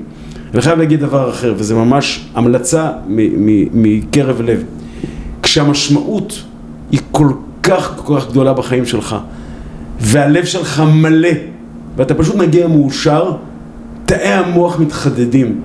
אני חייב להגיד לכם הרעיונות הכי טובים בחיים שלי מגיעים אחרי שאני נמצא באותם אירועים ויש לי אה, פעילויות שלא קשורות אחת לשנייה שקוראים להם בעולם התנדבות. אני קורא לזה לבלות עם בני אדם שחשוב לי לבלות איתם. ככה אני, ככה אני מגדיר את זה. אהבתי. אני לא בא לעזור לדבי. אני בא ללמוד ממנה איך חיים את החיים בצורה נכונה. ואז הביטוי העסקי שלי הוא חד, הוא ברור, הוא מפוקס ויותר מזה כשאני מגיע להחלטות עסקיות אני עושה את זה מהמקום העסקי אבל מהמקום האנושי. אני בן אדם. אני בונה בתים, נכון. יש לנו בגרמניה מאות דירות. מאות. אני אומר את זה בגאווה. אבל תעזבו קירות. GNM הקימה עשרות פרויקטים. אנחנו מוכרים המון. אני מודה ואני מתוודה ברמה הכי רגשית שלי. לא מעניינים אותי בלוקים. תצטטו אותי. לא מעניינים אותי בלוקים ולא בטון. מעניינים אותי בני אדם שגרים בבתים ואם האנשים שאנחנו מוכרים להם דירות מאושרים, תאמין לי, תאמינו לי, עשיתי את מה שאני צריך בחיים האלה. זה מה שאותי מעניין ומה שאותי מניע בחיים האלה. יפה, יפה מאוד עופר, מאוד, אה, מאוד חזק לשמוע את זה וזה מתחבר אה, הנושא הזה של, אה, של נדיבות ושל לבוא לעזור. אתה יודע, אני מלמד, אחד הדברים שאני מלמד, אני מלמד קורסים בכל הנושא הזה של מכירות ואני מדבר על מכירות בגישה הטבעית. ואחד הדברים שאני מדבר עליהם בגישה הטבעית זה להזכיר לעצמי, ואני אומר את זה גם לקהל ששומע, אה, רגע לפני שיחה, להזכיר לעצמי אה, שבאתי לעזור. וגם כשאני לפעמים בשיחות טלפון, שיכולות להיות מאוד מאוד מאוד מפתות בקטע של לסגור עכשיו, אני לא יודע מה, אני אומר לעצמי, עופר, תזכור שבאת לעזור. וזה השיחה. וכשאתה תזכור מה באת, שבאת לעזור, אז תדע גם להכווין את הבן אדם לאן, לאן שהוא באמת צריך להכווין אותו, ולא לקחת ולעשות, למרות שמציעים לך, אני לא יודע מה מציעים לך. ויש נקודה מאוד חשובה במכירות. אני הרי רץ עם עיוורים, כן. ועיוור רץ בחשיכה מוחלטת, אנחנו רצים במקומות מאוד מסוכנים, והוא נותן בי אמון של מיליון אחוז. למה אני מוכר בקלות את מה שאני מוכר, ואגב אני מתעסק הרבה במיזוגים, ברכישות, במכירות של חברות, לא רק בנדל"ן, זה סתם ככה, mm-hmm. אני מציין. המכירות הכי טובות שלי בחיים מגיעות ממקום שאנשים נותנים בי אמון מוחלט, כמו שהאדם העיוור נותן בי. וכאשר יש אמון, אז הפרזנטציה, בין אם היא יותר יפה או פחות יפה, פחות מעניינת. אנשים אומרים לי, אנחנו מאמינים בך בעיניים עצומות. אני אומר להם, אל תאמינו בעיניים עצומות, אבל עצם האמון שהם נותנים בי, זה ההישג הכי גדול של החיים שלי. האמון בבני אדם. אז אתם רוצים למכור טוב? תעוררו אמון ו-walk your talk. אתם תציעו על ערכים, תקיימו אותם, אנשים יאמינו בכם והם יקנו מכם הכל. ובלבד שהמוצר איכותי וטוב. כן, ולעורר אמון זה באמת משהו שהוא אה, אה, באמת walk the talk, אינטגריטי, ולעמוד במילה לאורך זמן, ולהוכיח לאותו אחד שהוא, הרבה, הרבה מגיעים גם סקפטיים, שאתה יודע, הם מגיעים עם כל מיני חוויות שהם חוו ואני אני בטוח שאתה מתקן להם את החוויה אה, אה, בהרבה קטעים. אה, אני רוצה לדבר קצת על משפחה. וזה, למה אני רוצה לדבר על משפחה? כי, כי מבחינתי, אמרתי, איש שעשה את החשבון מה באמת חשוב בחיים, אני רוצה שנדבר ערך המשפחה, וערך המשפחה לא רק כערך, גם ערך בליישם את העניין הזה של, של איזה איש משפחה אתה, ואיזה אבא אתה, ואיזה סבא אתה גם אה, צעיר. ו... וזה מתחבר עוד פעם עם מימד ה... אין לי זמן, ומימד ה... לא, לא לי אין זמן, אבל uh, מימד ה... ה... התפיסה של אנשים, של אין לי זמן, ו... והשבוע עוד פעם לא הייתי מספיק עם הילדים, והחיים שלי מר גורלי, כי כך וכך, וכי אני אימא, ואני... ואז אומרים לי, טוב, אתה אבא, אז אתה יכול, אז אני אומר להם, חבר'ה, אני אבא שמתפקד גם אה, כאימא וזה עניין של החלטה ועד שאני מסביר את זה ומאז ומתמיד, מאז שאני זוכר את עצמי, אה, יש לי יומיים בשבוע שהיומן סגור משעה ארבע עד שמונה בערב אחר הצהריים, פעמיים בשבוע, גם היום, גם כשהילדים שלי היום אה, הבנות בנות 18 והבן בן 15 אה, וחצי וביומן שלי יש דברים שקשורים לילדים כי אני תמיד אומר שמה שלא ביומן לא קיים בחיים וזה לא בגלל שאני לא איזה אייל נדל"ן אה, ברמות מטורפות או אני לא יודע מה איזה עורך דין שמחזיק בכמה משרדים שיש לי יותר זמן. זה עניין של השקפה והחלטה ואני רוצה ואני בטוח שזה עניין של החלטה והשקפה. ויגידו לי גם אתה יודע אנשים יגידו מה, איך, אתה יודע, כאילו, אתה יכול לאפשר לעצמך, זה לא קשור. או אתה, איך אתה, אתה מבין, עכשיו, השיחה של המשפחה, אני חושב שהיא שיחה שמתחברת גם לשיחה של, של הנדיבות ושל לבוא ולעזור וכל זה. אבל בוא, אתה יודע, דבר איתי קצת על, ה, על העניין הזה של להצליח להיות עם המשפחה ביח, במקביל לכל מה שקורה וכל הכדורים שאתה מג'נגל איתם. כשהייתי מנכ"ל של נצבא, שהיו שם אלפי עובדים ומיליארדים, נקבעה מועצת מנהלים לאישור הדוחות הכספיים השנתיים למועד מסוים. היא נקבעה והיו שם 21 דירקטורים שכל אחד עם עניבה יותר מפוארת מהשני. ואני הייתי המנכ"ל. ופתאום אני מסתכל ואני רואה שאליפות ישראל ב-1500 מטר, שהבן שלי גיא משתתף בה, נופלת בדיוק על הבורד. ועשיתי את המעשה שאף מנכ"ל לא מעז לעשות אותו. וכמה הוא היה גיא אז באותה תקופה? גיא אז בן 17. 17. ואני אה, הודעתי לכל הדירקטורים שאני נאלץ לשנות את מועד הישיבה ושאלו אותי למה ואמרתי להם את הסיבה האמיתית. הם רצו לתלות אותי מהאוזניים והם אה, הם פשוט, הם, חלקם צחקו עליי, חלקם זעמו עליי. אבל זאת הדוגמה הכי טובה בעיניי. דרך אגב, מועצת המנהלים, המועד השתנה. בדיעבד שאני חוזר לאירוע, הנוכחות שלי, ואני לא הפסדתי בחיים תחרות ריצה של גיא, והופעת ריקוד של הבנות שלי, נועה ושיר, בחיים לא הפסדתי, ולא הפסדתי אף אספת הורים, תמיד דאגתי להיות בארץ. באספת הורים. באספות הורים ובהופעות שלהם וב, וב, ובכל דבר שקשור לחוויות הילדות שלהם. ואני אומר, החוויה של להיות עם גיא, עם דמעות בעיניים, באליפות ישראל ב-1500 מטר, כשהוא רץ, ואצלנו הריצה במשפחה היא ערך מאוד חשוב, בסדר? לעומת מועצת המנהלים של קבוצת נצבא הענקית, אין בכלל מה להשוות. אבל זו בדיוק הדוגמה. איפה למדתי את זה? אני גדלתי לזוג הורים שכירים אבל רגע, אני חייב לקטוע, תכף נגיע לירושלים ולהורים וזה, כן. אבל באמת בנקודה הזאת. תשמע, אה, אני בטוח שהיו מקרים שהייתה לך איזושהי אספת הורים, או שאני לא בטוח, אני אשאל אותך, לא היו מקרים שמה לעשות, אה, אתה יודע, אה, אתה נאלצת להיעדר מפעילות לא כזאת משמעותית, שנראתה לך משמעותית, ולא הגעת לפעילות אם היית בחו"ל, היית פה, היית שם, ולא הגעת למשהו ש, של הילדים, זאת אומרת בוא, כן. אוקיי, בוא נדבר אוקיי. גם על זה. אז בוא נגיד שאני מכוון את סדר העדיפות שלי לכך שזה בראש סדר העדיפות, אוקיי? נכון לרגע זה, אני ממש, ממש שנייה לפני שהגעתי לכאן, שיניתי מועד נסיעה מאוד חשובה לחו"ל, מאוד חשובה לחו"ל, בגלל עניין משפחתי. Mm-hmm. וקבעתי עם הרבה מאוד אנשים ושיניתי את זה. אני חושב שאנחנו צריכים לעשות את הכי טוב שאנחנו מסוגלים כדי שהדברים החשובים לנו באמת יהיו בראש סדר העדיפות שלנו. אם אנחנו מתנהגים ככה, אז אנחנו גם מקיימים את זה. כי אין דבר כזה, זה לא תלוי בחשבון הבנק, זה לא תלוי בכלום, זה תלוי במה שאני מחליט שיותר חשוב לי בחיים שלי. ואם לי יותר חשוב בחיים פעמיים בשבוע אחר הצהריים להיות פעם אחת עם שני הנכדים ברמת גן, ופעם שנייה אחר הצהריים עם שני הנכדים ברמת השרון, יש לנו ארבעה נכדים, כן? אז זה הכי חשוב לי, ושום פעילות בעולם לא תעלה על זה. אני מחר בצהריים, ישר במועצת המנהלים הולך לאכול ארוחת צהריים עם נועה, עם הבת שלי, ומשם לקחת את רומצ'וק מהגן, ואחרי זה להיות עם רומצ'וק ועם עומר. נקודה. וביום אה, חמישי אני הולך לראות את חוג האומנויות לחימה של הנכד הגדול דניאל. אלה הדברים החשובים ביותר בחיים שלי, ואתמול לראות את ההורים שלי בירושלים זה הדבר הכי חשוב לי בעולם, ומיד אחרי השיחה איתך אני נוסע לפגוש את אחותי במודיעין, אלה הדברים הכי חשובים בחיי, והם גוברים על כל עסק ועל כל עסקה ועל כל דבר אחר בחיים, וזה מה שמקנה לי את הבסיס שבזכותו אני יכול להסתכל בלובן של העיניים של עצמי ולהגיד, אני שלם עם עצמי, אני מאושר, אני יודע שבשעה שאני יושב עם ההורים שלי, אני אולי מפסיד עסקה.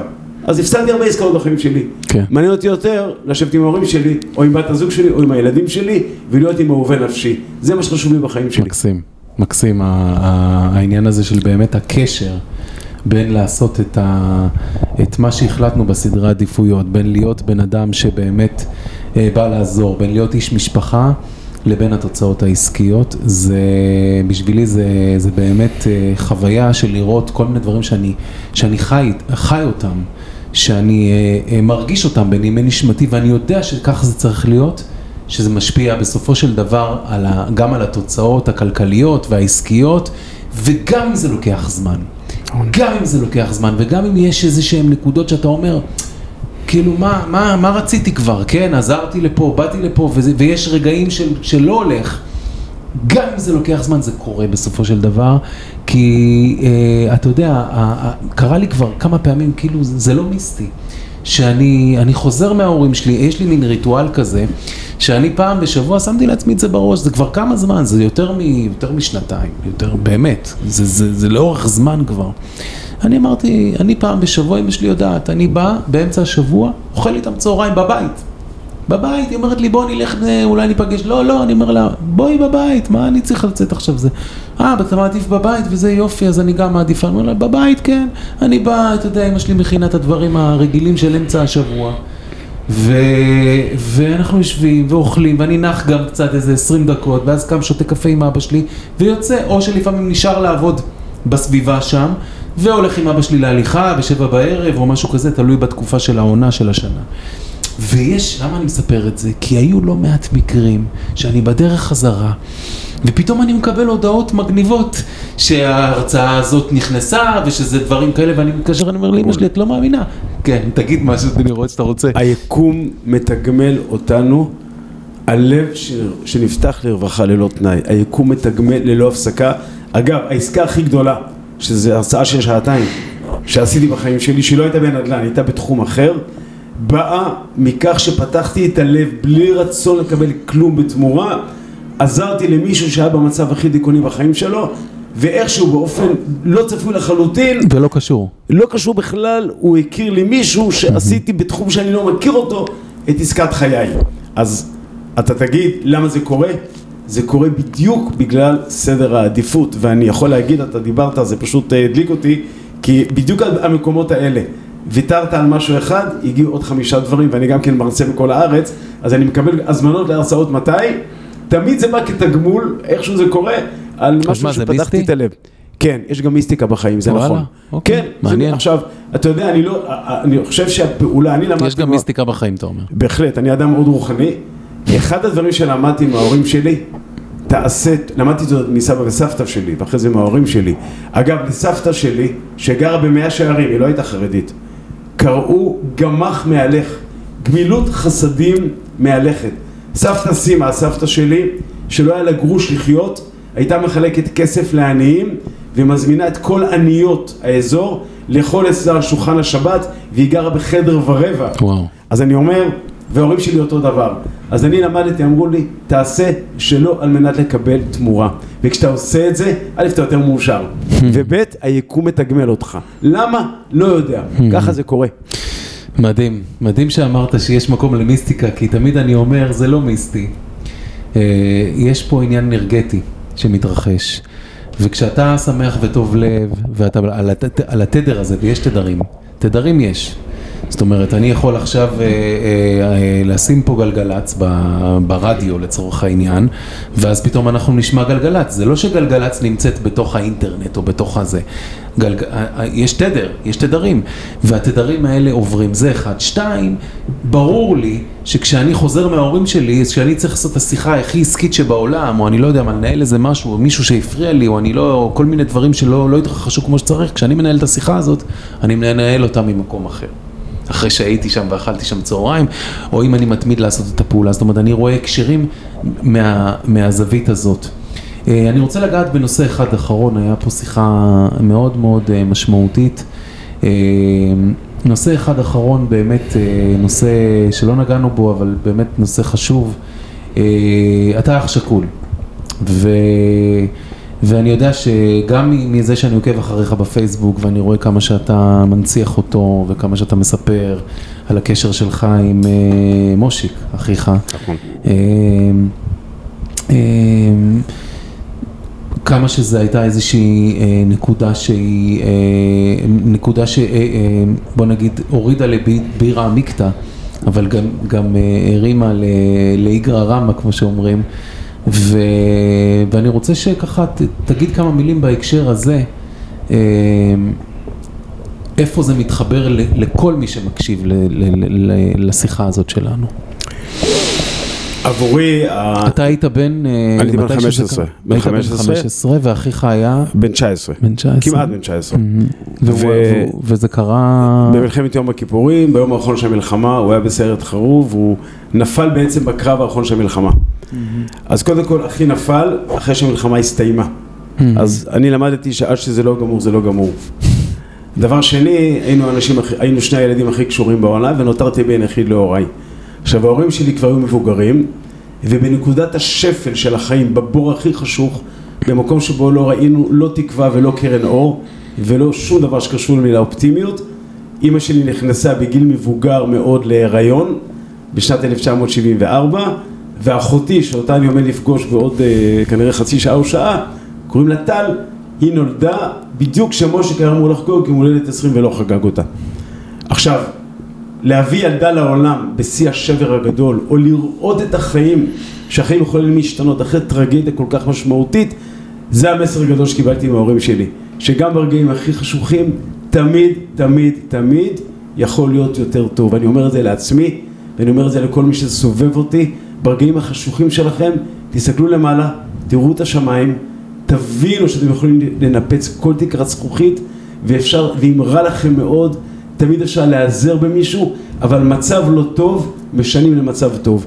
ועם כל העצב הגדול הזה שאח שלי לא איתי, הוא חי איתי בממדים אחרים, וההנצחה או החיים לצד החוויות שהוא השאיר אותי בשנים שהיינו ביחד, הם בעצם גורמות לי להיות דווקא אדם יותר מאושר ויותר שמח, כי בעצם הנוכחות שלו, אגב על אח שלי נכתבו שני שירים, אסתר שמיר הייתה חברה שלו, הזמרת אסתר שמיר, היא חברה לזכרו שני שירים מאוד מאוד מרגשים, יואב קוטר היה חבר ילדות שלו, כל מיני אנשים שהם מהדהדים את הזיכרון שלו חוץ ממני, אבל בעיקר בעיקר בעיקר כשאנחנו מגיעים לאזכרה השנתית ומגיעים עשרות חברים שלו, עשרות, כבר חלפו המון המון שנים מאז, mm-hmm. ומזכירים בהתרגשות ובדמעות את הערכים שלו, אז אני, זה מחבר אותי לבית ההורים, כנראה שההורים שלנו, לא כנראה בטוח, חינכו אותנו לאורם של ערכים כאלה, של נדיבות, של עזרה לזולת, ולא בכדי אבא שלי ואימא שלי שחצו את גיל 90, הם מתנדבים ועושים הרבה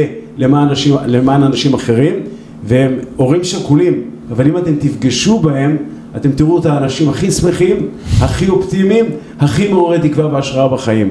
אז כשאתה חי עם אנשים כאלה, אתה חייב להיות אדם שמח, אדם מאושר, אדם שרק רואה את הטוב גם, גם במקומות היותר אפלים, וזה גם אה, מביא לי את האינסנטיב, את התמריץ להרצות בכל הארץ, כדי להביא את הדברים החיוביים, הערכיים האלה, לאנשים אחרים. לכן אגב, בזכות הסיפור המשפחתי, הקמתי, אחת העמותות שהקמתי, נקראת אכפת לי ממך או אכפת לי ממך, שבעצם הרעיון הוא להשריש את תרבות האכפתיות בישראל מגיל שנה ועד גיל 120.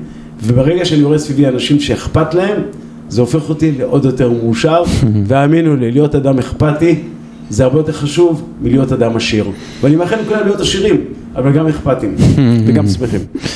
מאוד מאוד מרגש הסגירה הזאת עם, ה...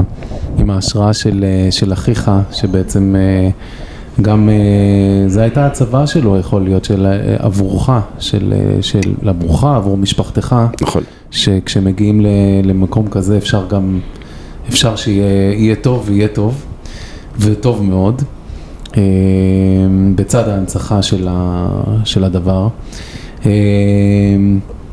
אני רוצה, עופר, אה, להגיד לך באמת אה, הרבה הרבה תודה.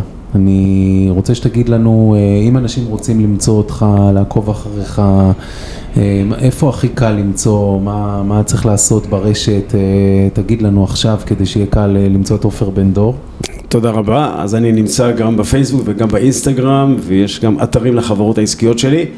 אבל בעיקר אני אוהב להרצות בכל רחבי הארץ את הרצאות ההשראה שלי, מאוד אוהב את זה. אה, אני תורם אגב את כל תמורות ההרצאות שלי למיזמים החברתיים שהקמתי, כלומר בכך אני בעצם הופך את כל המאזינים שלי, עד היום בערך מיליון אנשים, לשותפים איתי בהשגת המטרות. מדהים. ואני פתוח, אני עובד בכלל, החיים שלי זה לב פתוח ומוח פתוח, ואני תמיד שמח שאנשים פונים אליי, בין אם הם זקוקים לעזרה, או שיש להם איזו יזמות מעניינת שהם רוצים לעשות אותה ביחד.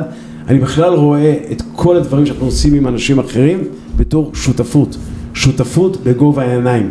ואני מחפש אנשים טובים שרוצים בגובה העיניים לחולל שינוי בחיים שלהם ובחיים שלי. ותזכרו, אם אתם מכירים גם מישהו שזקוק לעזרה אני הקמתי קבוצות ריצה לאנשים עם הלם קרב ופוסט טראומה יש לי, קבוצ... יש לי משלחות שאני מוציא לפסגות הערים הגבוהות בעולם של נשים מוכות, של אנשים עם מוגבלויות.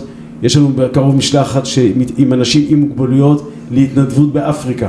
אנחנו מקימים מיזמים חדשים כל הזמן ושותפים לזה גם המשפחה שלי וגם ההורים שלי ובעצם הפנייה שלי בעצם לכולם תהיו בקשר בכל הקשר שהוא אבל בעיקר כדי שביחד נעשה טוב בעולם הזה. מרגש, מרגש עופר, היה לי לעונג, זכות גדולה שהייתה לנו את השיחה הזאת. תודה. אה, אני למדתי המון, לקחתי המון, באתי כתלמיד, כמו תמיד. גם אני, הייתי כן, תלמיד שלך פה. כן, כן. תודה. אה, תמיד אני אומר, קוראים לי עופר מלמד, אבל אני קודם כל לומד. נהדר. ו... ושיהיה לנו, שיהיה לנו הרבה, אני מקווה שאנחנו ניתן הרבה אור כתוצאה מהשיחה הזאת להרבה מאוד אנשים, אתם מוזמנים לכתוב, להגיב לנו אה, איפה שאתם פוגשים את השיחה הזאת. ואני מקווה שאיפשהו זה נגע וזה השפיע, בטוח זה נוגע מי שהקשיב, אז uh, המון המון תודה. כיף ו... גדול, תודה רבה. ושיהיה לנו המשך שפע. בהצלחה לכולם, באהבה. בהצלחה לכולם, להתראות. עד כאן הפרק של היום. אהבתם את הפרק? מוזמנים לשתף חברים, קולגות, לקוחות. כמובן שאפשר לכתוב לי תגובה כאן, בפייסבוק, באינסטגרם, או בכל מקום שאתם פוגשים אותי ברשת. מוזמנים גם לחפש עופרמלמד.co.il. רוצים עוד פרקים? אז יש עוד פרקים, לא לדאוג. חפשו את הפודקאסט, תוצאות כאן ועכשיו, בכל מנוע חיפוש ובכל מקום שאתם נמצאים בעולם. והכי חשוב, תזכרו שאין כמוכם ושהלמידה נמצאת ביישום. להתראות בפרק הבא. עופר מלמד, מלמד לתוצאות, ביי.